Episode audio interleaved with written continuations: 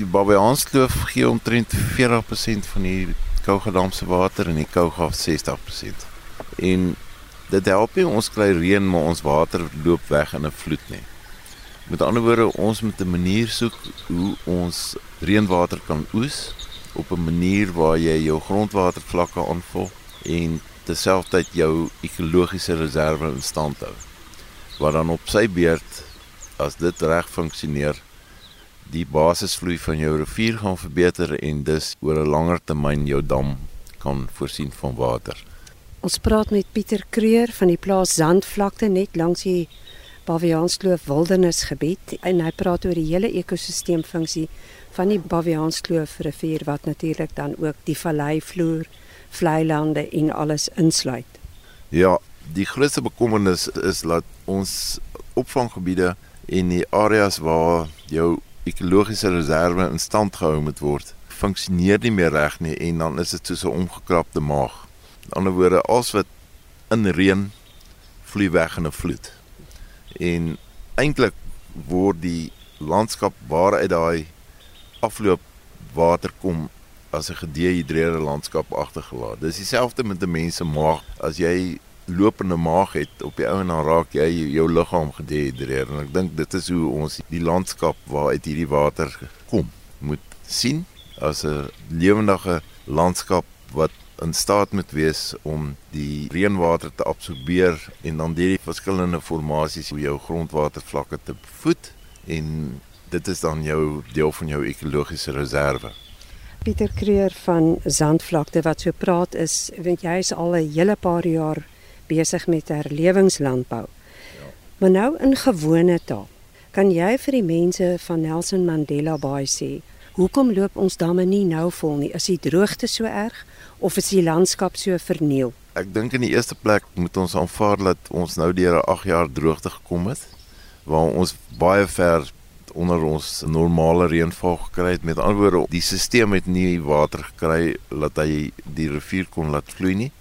Die tweede ding waar ek sal sê waar ons 'n rol moet speel is by die herstel van die opvanggebied. Met ander woorde, ons moet die ekosisteem funksie van hierdie area herstel. Met ander woorde, die vermoë om die area te herlaai gedurende vloede, laat jy op daai manier die basisvloei van hierdie rivier kan in stand hou. In baie gevalle het ons maar ingemeng met die normale vloeipatroon van rivierstelsels met ons landboupraktyk. Mense moet maar kyk hoe mense hierdie ding ekonomies kan reg bestuur. Ek meen ons kry op hierdie stadium geen befondsing of insentief om opvanggebied bestuur op privaat grond te doen nie. Ek dink die wet maak eintlik voorsiening vir dit. Die wet betaling vir ekosisteemdienste. Die water moet ons onthou behoort aan die staat. So jy kan dit nie verkoop of iets van daai aard nie. Maar die bestuur van hierdie hulpbron dit is nog steeds mense wat dit sal moet doen en op een of ander manier moet jy hulle vergoeding gee om daai diens te lewer. En dit is waarop ons konsentreer met ons projekte is om te kyk hoe moet jy hierdie ekonomie bestuur om restaurasie van opvanggebiede 'n volhoubare besigheid te maak dink dit is die heel belangrikste punt. Ek meen enige boer wat 'n aktiwiteit op sy plaas het, gaan nie sommer van sy aktiwiteit afsien as dit nie vir hom op een of ander manier vergoeding gaan gee nie.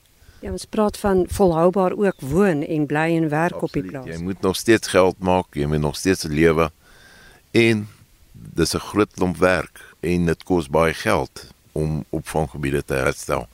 Iets wat ek net kan noem met ons navorsing wat ons gedoen het, het ons gevind dat die waarde van water wat uit hierdie opvanggebied vloei 3 keer hoër is as die waarde van enige landbouproduksie. Met ander woorde, ons moet met water boer hier in die Baviaanskloof. Hier in die Baviaanskloof. As ons 'n ekonomie kan skep dat ons kan vergoed word vir die ekosisteemdienste wat ons lewer, dan kan ons volhoubaar hierdie opvanggebied in stand hou en dit gaan eintlik 'n beter besigheid wees as enige veeboerdery of wat ook al wat ons hier kan doen. En die Kalgadam sal nie so leeg wees soos nou nie. Wel, ons moet onthou dat baie van hierdie projekte wat ons doen om die landskap te herstel, is langtermynprojekte. Jy kry nie onmiddellik resultaat nie. Maar ek dink dit is juist die ding wat ons in gedagte moet hou. Jy weet ons het in die 90er jare met ons navorsing het ons al gevind dat PE in 2012 alreeds in 'n stressituasie sou aangaan. So as ons destyds begin het met ons herstelwerk, dan het ons dalk vandag al die resultate gesien. En ons het toe begin in 2006 om om sekere goed te doen. Ek meen hier's verskillende ekosisteme wat verskillend behandel moet word. Dis daarom wat dit so belangrik is dat uh, grondgebruikers deeglik bewus is van die verskillende ekosisteme op sy plaas.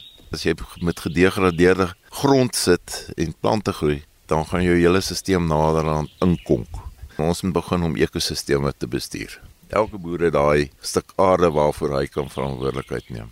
'n Interessante opmerking wat ek gehoor het wat jy gemaak het, is dat jy sê die ou grabies het nou al 3 keer was hy 'n absolute waterwonderwerk om te aanskou soos wat ja. hy so loop. Maar jy sê dit is die land se koolstof wat wegloop en koolstof is 'n belangrike element in die grond om water terug te hou dat dit kan afsak in die grond. Presies. Ons moet onthou koolstof is die spons van die aarde. Die organiese koolstof wat in jou grond beland of humus, noem dit wat jy wil. Dit is die goed wat maak dat jou water nie wegloop nie en tyd kry om in die grond in te syfer en op daai manier jou grondwatervlakke aan te vul. Dit is die ding wat ons kan bestuur met plante groei.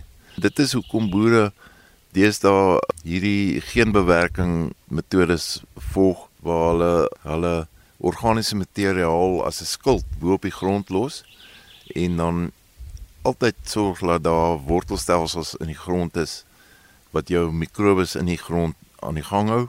Onthou dit gaan nie net oor water hou nie, dit gaan ook oor jou voedingsstowwe wat in die grond is. Dink jy nou die droogte, 8 jaar lange droogte, dis waar? Daar's al mense wat gesê die opgaardamme is in die verkeerde gebiede gebou. Daar's al vreeslik baie kenners wat opstaan uit hierdie droogte. Ja. Maar as 'n mens kyk na Nelson Mandela Bay se waternood, maar so ook die Kougasin, want hulle word ook daardeur geraak. Dit is dorpe so Sint Francis, Kaap Sint Francis, Oesterbaai en so aan. Ja. Dink jy dat hierdie droogte uiteindelik nou sal hand opsteek vir die instandhouding van die ekosisteme wat sorg dat die water meer volhoubaar kan uitkom waar dit moet uitkom en in die grond geberg hou? Ek dink hierdie hele uh, waterstres situasie in Port Elizabeth en al hierdie omliggende dorpe is al lankal onder die soeklig. Die staat wat eintlik die funksie van custodian van water in hierdie land moet verrig. Lykie vir my op hierdie stadium in staat om enige iets aan hierdie probleem te doen nie. Onthou ons praat van rou water. Bokant 'n damwal sit jy met rou water. Dis jou opvanggebiede, dis die inhoud van die damme. Dis die departement van waterwese se funksie. Onderkant die damwal het jy die infrastruktuur van pyplyne en wat ook al wat die water op die ouend aflewer in die huise. Dis die rol van munisipaliteite. As jy eintlik praat van watersekuriteit in jou damme, dan praat jy van jou opvanggebiede wat moet in stand gehou word en dit is dit is 'n heeltemal 'n ander departement van waterwese se funksie om daai werk te doen. So hoe gaan ons 'n werkbare plan uitdink waar daar 'n ekonomie geskep word wat betaal vir instandhouding van opvanggebiede en wat op die ouend funksioneel raak en wat dan gaan bepaal die inhoud van jou damme? En ons wil dit privaat doen. Sal ons dit moet doen met behulp van 'n soort waterfonds vir elke stelsel en die verbruiker in die onderkant kan dan bydra tot daai waterfonds ons het dit uitgewerk vir Nelson Mandela Bay het ons dit uitgewerk vir 5 sent per kiloliter. As ons 5 sent per kiloliter dit as 'n ou gemiddeld 30000 liter water per maand gebruik vir sy huishouding, gaan dit R1.50 op sy rekening beteken. As ons dit alles bymekaar bring en ons bring dit terug in 'n waterfond en ons kan dit terugploeg in die opvanggebied, is dit 22 miljoen per jaar. Dan het ons geen lenings of skenkings of wat ek al nodig om hierdie opvanggebied in stand te hou nie. Op hierdie stadium is ons afhanklik van buitelandse beleggers wat vir ons geld gee vir projekte. Maar dit is nie noodwendig volhoubaar nie. So ons moet kyk na 'n bedrag wat van jou eindverbruiker af terugkom na dit waar sy water vandaan kom. So as jy 'n kraan oopdraai, die water kom nie uit die kraan uit nie, dit kom uit die opvanggebied uit. Dit kom uit reën wat uit die lug uitval. En ek dink mense moet daai ding begin verstaan. En om daai reënwater so te bestuur dat dit op die ouend in jou op 'n goeie manier en skoon gesonde water in jou kraan uitkom, het jy opvanggebied bestuur nodig.